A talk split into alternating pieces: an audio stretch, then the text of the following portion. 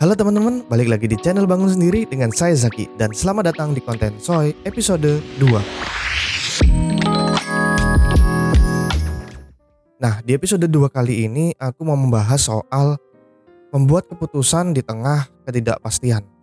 Oke, sebelum kita ke topik pembahasannya, aku mau disclaimer dulu kalau konten Soy ini eh, hanyalah konten sharing-sharingan aja ya. Bukan eh, konten yang bermaksud untuk menggurui. Tapi kalau kalian bisa dapat manfaat dari konten ini ya aku bersyukur banget gitu. Oke? Kita langsung aja ke topik pembahasannya. Eh, kalian ngerasa nggak sih kalau saat-saat ini ya hidup itu makin lama makin random aja gitu dari hari ke hari. Kayak pandangan-pandangan ke depan itu kayak terasa buram gitu. Ibarat kata kayak ketutup kabul yang tebel banget. Dan kejadian ini tuh nggak cuma dialami oleh aku aja atau kalian yang eh, nonton video ini gitu. Tapi kejadian ini tuh dialami oleh semua umat manusia yang ada di seluruh dunia ini. Dan gak mandang status sosial mana pun, mau itu kaya, miskin, mau pejabat tinggi, mau rakyat jelata. Semua ngalamin hal yang kurang lebih sama gitu. Eh, Gara-gara pandemi banyak keputusan atau rencana yang udah dibuat dan disusun secara rapi gitu ya eh ujung-ujungnya berantakan. Ketika disusun lagi atau ditata lagi, ujung-ujungnya berantakan lagi. Eh, membuat keputusan di tengah kondisi yang nggak pasti seperti era pandemi kayak gini tuh emang eh, relatif susah sih atau bahkan susah banget gitu. Karena kita kan pasti banyak menimbang-nimbang gitu ya. Eh, dampak dari apa yang kita buat, apa yang kita rencanakan, apa yang kita putuskan gitu. Jadi ya tergolong susah gitu kalau untuk kondisi-kondisi sekarang ini. Eh, contohnya aku aja ya. Aku membuat konten kayak soy atau konten bangun sendiri yang lain itu juga eh, bikin keputusannya juga eh, susah-susah gampang gitu. Maksudnya banyak hal yang perlu dipertimbangkan gitu dalam membuat konten eh, bangun sendiri ini gitu.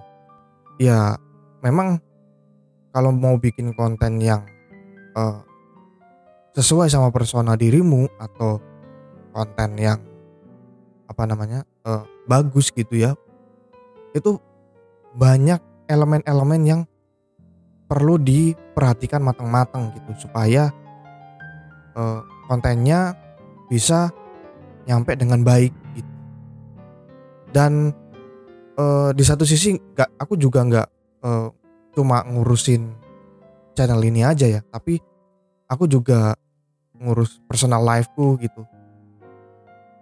Personal life eh, di balik layar ini ya itu juga jauh lebih hektik gitu. Aku ini juga eh, seorang freelancer gitu yang perlu survive juga untuk mendapatkan pundi-pundi gitu. Jadi eh, secara konsentrasi sih cukup terbelah gitu dan juga cukup menyibukkan. Ya tapi mau gimana lagi? Mau nggak mau kita harus survive gitu.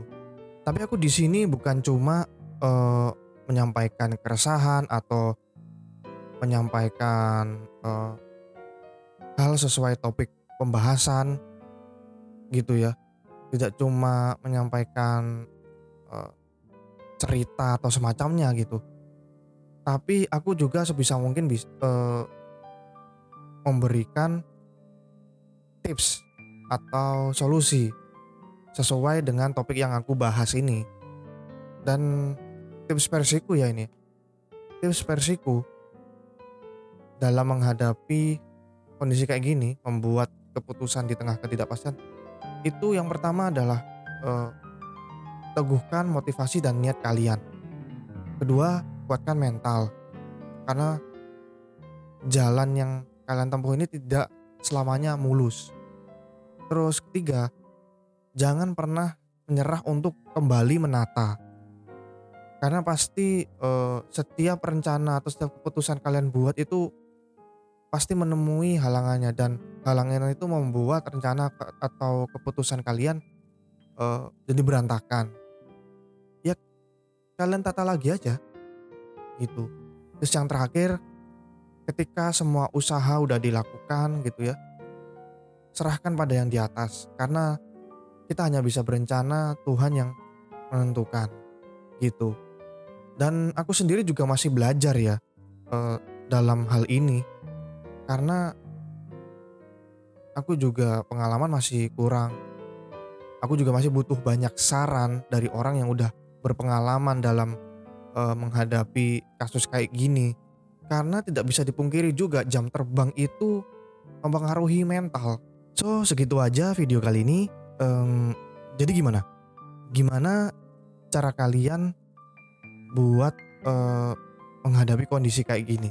Gimana cara kalian membuat keputusan di tengah ketidakpastian kayak kondisi pandemi sekarang ini?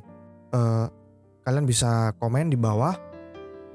Kita bisa sharing-sharing di kolom komen nanti. So segitu aja video kali ini. Jangan lupa like, share, komen, and subscribe channel ini. Dan jangan lupa nyalain lonceng notifikasinya biar kalian bisa dapat update terbaru dari konten channel Bangun Sendiri. Uh, segitu aja dari aku. Sampai jumpa di konten-konten Bangun Sendiri selanjutnya. Bye bye.